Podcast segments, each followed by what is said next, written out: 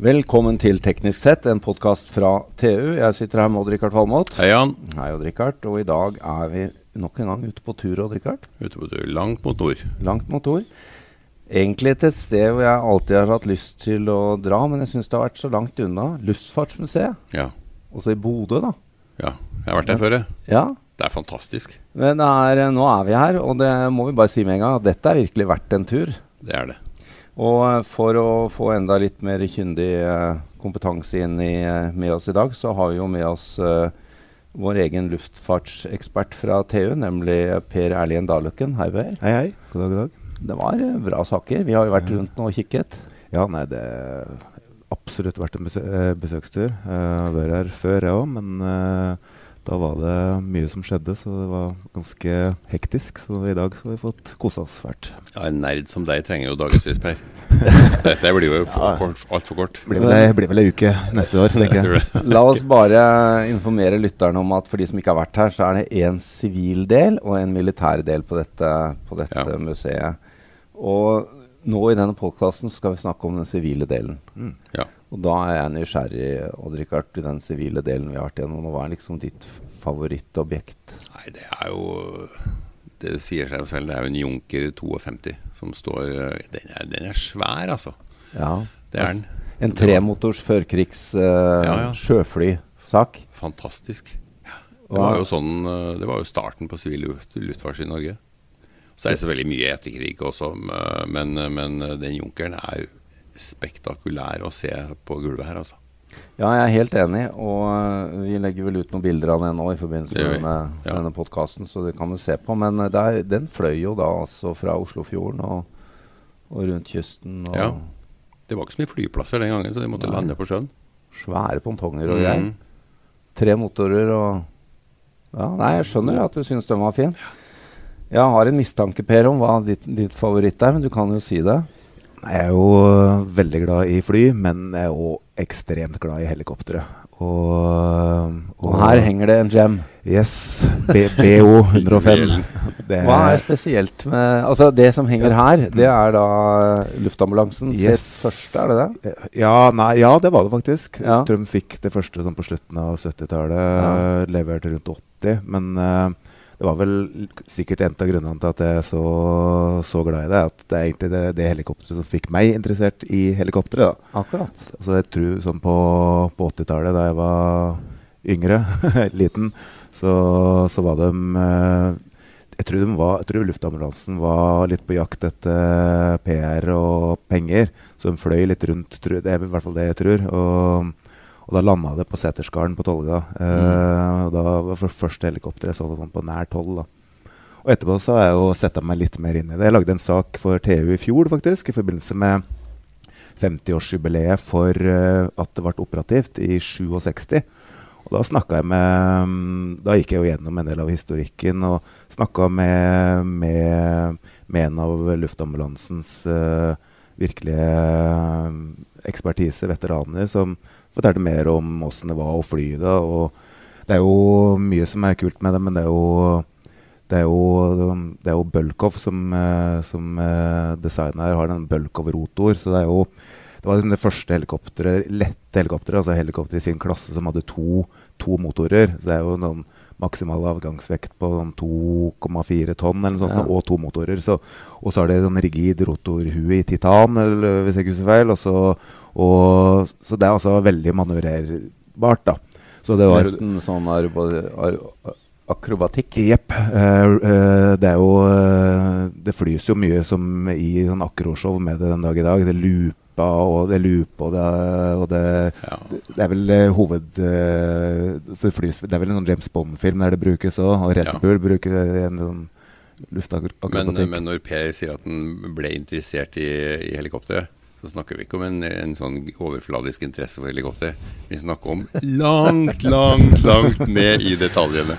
Jo, jo. eh, Men det er, jo, eh, det er jo Her er det jo bare å komme opp og fordype seg i disse tingene. Ja, Men vi, vi må jo da, siden vi er her, så har vi med oss uh, første konservator eh, for den sivile delen av museet, Olav Gjønhild. Velkommen. Ja, takk. Hva, hva har du å si til Junker og helikoptervalget til Per her? Er Nei, jeg syns de har gjort gode valg, egentlig. Mm. Hva kan du fortelle om Junkeren? Skal vi ta den først? Ja, jeg syns Junkersen er et veldig interessant fly. da. Eh, eh, det bærer jo langt tilbake i norsk flyhistorie. Som har vært sagt er det første flyet som har vært tatt i bruk på eh, nasjonale flyruter. Eh, jeg syns òg det har en sånn noe eksotisk over seg, selve konstruksjonen. At det er bølgeblikk. Og det er en helt annen type fly enn det du ser normalt i dag. Og det går inn i en tidsperiode som jeg syns er veldig spennende også i Norge. Er den, eh, den uh, maskinen dere har her, er den unik uh, rundt om, eller er det, er det en vanlig fly på, på utstilling? Ja, det fins en god del av det, men det fins også fortsatt sånn Junkers 52 som, som flys. Ja. Som er drift. Men var ikke dette her, Odd Rikard, du, du kan det godt det, det, Dette er jo den sivile utgaven. Ja. Var ikke det også veldig mye sånn eh, krigs... Jo, de, de, brukte det til transport i krig. Ja. Ja. Det her var vel nesten uh, den tyske svaret på DC3. Ja. Amerikanerne hadde mm. DC3 som workhouse, og tyskerne hadde Junker eh, 52. Mm. Men det var overraskende stort. Ja, det er det. Når du mm. ser det på nære hold, så får du et helt annet inntrykk av det. Ja. Så det de pontongene var jo to båter. Altså det var ja, ja. greier. Ja. Men uh, dette spesielle flyet her, da, hvor kommer det fra? Ja, det her er et fly som Norsk, ja, Norsk Luftfartsmuseum gjennom frivillige eh, fikk henta i Portugal. Akkurat. Så det ble egentlig henta to fly eller flyvrak. Uh, og begge to ble restaurert og stat, satt i stand, eh, vesentlig med frivillig innsats her i Bodø. En kjempestor jobb da, for store fly. Og Det ene flyet har vi her, og det andre ble sendt tilbake til Portugal som en del av en avtale. Da var portugiserne heldige. Ja, det ja. tror jeg nok. Nei, det ser jo veldig veldig flott ut. Og vi får legge til at det er eh, Dere forteller også en historie her oppe om, eh, om dette flyet eh, Om det norske flyet som, som da havarerte, som jo var en ganske stygg ja. ulykke. Havørn. Havørn, ja. Det er også en veldig spennende historie. og Det var på en måte kanskje litt interessant at man, man starta egentlig flyruter før sikkerheten på en måte fullt ut var. Sikkerhetstjenesten fullt ut var utbygd. I dag ville man jo aldri gjort det. Sikkerheten går jo først. Mm. Men den gangen så kunne man altså starte en flyrute før en tidsmessig sikringstjeneste var på plass. Ja, det er interessant. Så det er jo litt interessant. Det er litt sånn vi holdt på med autonome biler, da. Jeg tenkte på, altså, Det var, det var veldig spennende å se um, Uh, hele den PR-kampanjen som, uh, som de, uh, selskapet kjørte i samarbeid med Arbeiderbladet om, å, om at gutter virka som de retta seg mest mot. da, Unger kunne vinne en flytur. Ja. Og Det var i mai 36. Ja. Og så i juni 36 så havarerte flyet. Åssen gikk det egentlig med hva slags, hva, hva slags, betydning hadde det der sånn markedsmessig for uh, selskapet og, og, for luftfarten generelt? Jeg vet ikke om det egentlig betydde så mye. Det var jo slutt på flyrute den sommeren, da. Men uh, de gjenopptok det i 1937. Uh, eh, jeg tror ikke jeg fikk noen sånn voldsomme altså fikk jo konsekvenser i 36, men jeg vet ikke om det fikk noen sånn voldsomt langvarig konsekvens sånn for, for, bruken av det. derimot så var det en av de skoleelevene som var om bord der, som jeg greide å spore slektninger av når vi skulle lage utstillinga. Og det viser seg at den gutten da, som hadde vært om bord den gangen, han hadde vært så flyinteressert gjennom den turen at han vært flygeleder på Fornebu. Ja. Så han lot seg åpenbart ikke skremme. Nei, han, han skulle redde. Han lot seg inspirere. ja. Olav, hva, du må også kommentere favorittvalget til Per her, nemlig legehelikopteret som henger prominent oppi fra taket deres. Jo, jeg syns det er spennende med helikopter, faktisk. Jeg har også litt minner om det, men jeg har litt motsatt minne. Det landa et helikopter på skolen der jeg gikk da jeg var liten. Uh, men da fikk ikke vi lov ut å se på. Vi var den eneste klassen på skolen som ikke fikk lov ut å se på helikopter. Bare høre, ikke se. Så det er kanskje derfor vi ikke fikk det. Men uh, det, det, objektet kommer da Det, er, det er jo, har beviselig vært i norsk tjeneste i mange år. Ja. Nemlig luft... Uh, norsk luftambulanse. luftambulanse ja. Um, det er ca. 20 fly i denne sivile samlingen. Og jeg, jeg, må jo legge til Jeg syns jo det er morsomt å gå om bord, for at dere har ombordstigning også i, i et Bråtens-dekorert fly, nemlig en Fokker Fellowship F28. Mm. Det vekker jo litt følelser, det, gutter. Ja, altså det, er, det, har vi jo vært om bord i. det har vi flydd med. Ja, det har vi flydd med. Ja, Snakk for dere sjøl, jeg fikk aldri fløye det. nei, nei, junior Han er litt yngre enn oss. Men, eh, men, hvor kom det flyet fra? Kom det rett fra, fra Bråtens? Nei, eh, det har vært brukt av Bråtens, men det har vært kjøpt fra Brasil. Kjøpt tilbake. Det det, etter at det var bruk hos uh, Bråtens, så ble det brukt av andre flyselskaper. Jeg mener til slutt at det havnet i Brasil og ble kjøpt tilbake derifra og restaurert og gjenmalt i Bråtens farger her i Bodø. Men, men, hadde det gått i Bråtens tjeneste? Ja. ja. ja det er et opprinnelig fly. Ja. Det er jo Så. utrolig spennende hvordan disse objektene nå lander. Og det er jo det er en viktig historiebeskrivning, det dere, det dere, driver med her oppe. Um, vi må jo også nevne, og det vet jeg du fikk litt tenning på, Per. Tvinn Otter fyller 50 år. Ja, og, eller, og kortbanenettet. Ja, kortbanenettet. Ja, ti noter, og det går jo hånd i hånd, det. Kyllingmarkan, hva ja. det ble kalt. Ja. Ja. Men det henger jo en her.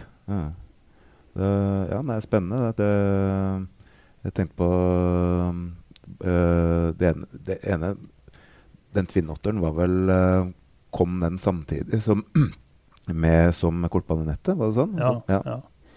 Så den jeg vet ikke om den der kom til Norge kanskje da i 1968. Det var første, mm. den første som ble satt inn på kortbaneruten mellom Værnes og Bodø. Akkurat. Det var fire flyplasser på Helgeland som ble mm. åpna i 1968. og Det flyet der var det første. Det er jo et ikon i norsk luftfart. Ja, absolutt. Det henger her, og det er bare å ta turen og se på det. Ja, Før det fløy det jo med sjøfly mye. Ja, sjøfly i Norge frem til 1972 på lokalruter. Ja, for ja. kortbanenettet ble bygd ut gradvis. Men det interessante med kortbanenettet nå er at det skal elektrifiseres. Ja. Det er, er jo visjonene på topp og i disse dager. Og automatiseres på ja. tårnsiden. Ikke ja. sånn? Ja. Uh, Olav, vi er nødt til å spørre deg om én ting som jeg vet du uh, uh, har vært veldig interessert i og opptatt av. Det er jo også norskprodusert uh, fartøy i samlingen deres? Ja, altså norsk sivil flyproduksjon har jo ikke vært veldig stor. Nei. men vi har C5 Polar her i utstillingen som er produsert av en norsk flyindustri på Fornebu. Eh, konstruert av, eh, eller designa av eh, Birger Hønningstad. Og Det begynte, det var, begynte før krigen? Ja, det, man begynte å planla å tegne det før krigen, men så ble arbeidet avbrutt under krigen, og så ble det bygd ferdig og tatt i bruk like etter krigen. Og det fløy frem, jeg tror, helt frem til 1972. Men det har vært produsert bare som en prototype. Man mente å sette serieproduksjon, men det ble det aldri noe av. Nei. Det var den jeg du trodde var en otter? Ja, den ser jo veldig lik den ja, otteren til første otteren til Widerøe. Inspirert av hverandre. Ja. Veldig spennende. Uh, Odd-Rikard, vi må gå litt inn for landing. Hvis, hvis, du skulle ønske deg et fly til i den sivile samlingen her, hva ville det vært? Jeg vil vel tro at da er altså første SAS-flyet, eh, stempelmotorflyet ja. eh, Jeg vet ikke om det fins noen igjen. Eh, jeg har fløyet det. Det var jo der det, det begynte. Eh, jeg ble sendt hjem fra en sånn forbrenningsulykke da jeg var eh, seks år. Tilbake til Trondheim med det flyet.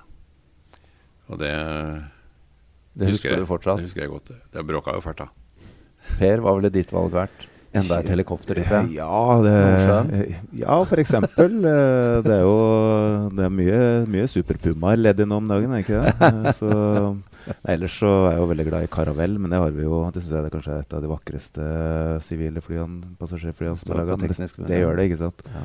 Så er kanskje enda mer eh, om Jeg syns den var veldig spennende, den partner uh, utstillinga deres. Kanskje, Fra ulykken, ja. Det er ja, verdt å nevne. Absolutt. absolutt. Ja. Uh, så kanskje en, altså enda mer, mer, Det er kanskje ikke så hva skal jeg si, Det er jo selvfølgelig et litt dyster tematikk, men, uh, men det er veldig spennende med, med Havarikommisjonens arbeid og, og, og se, se, det på nært hold. Og der fikk vi vel Det er vel til og med piratdelene dere har utstilt under uh, mikroskop der. Mm. Ja, for det må vi legge til. Denne partnerulykken fra 1989 som jo tok livet av 55 mennesker over Skagerrak. Den mm. uh, konklusjonen ble vel en ordentlig opprydding i deleleveranser, altså yes. piratdeler til fly, hele flyindustrien. Mm. Mm. Så det er jo kjempespennende. Hva, hva, Olav, tilbake til, til, deg som jobber her til daglig. Er det, det, er jo nesten litt urettferdig for en så fin utsamling å spørre deg hva, hva vil du hatt nå? Nei, men uh, det kan jo være mange ting. Men egentlig nyere tid er jo på en måte litt vanskelig Det er ikke forbi så mange store fly. Ja. Ja. Men det er klart, der kan vi ønske at vi skulle ha noe mer Eh, men ellers så syns jeg på en måte at fly og helikopter det er en ting, men òg på en måte kanskje i framtiden et enda bredere spekter av forskjellige typer gjenstander for luftfart. Mm. Eh, for det er en veldig stor og bred bransje som omfatter veldig mye, og publikum er veldig forskjellig. Så det er veldig mange som er veldig flyinteressert. Og så finnes det noen som kanskje er interessert litt i andre ting hvis man finner andre typer objekter. Mm. Så det er kanskje å få litt spredning på det sånn. Ja. Ellers har jeg skjønt det, Per, at det er ikke så lenge før A380 kanskje blir ledig for museet. Ja, nei, det, det er mer plass, da. Olav Gjenhild, tusen takk skal du ha, og takk for at vi fikk komme her og få denne omvisningen. Det er jo et, virkelig et sted verdt å bruke sommerferien på. Ja, takk. Det var veldig hyggelig å ha dere på besøk òg.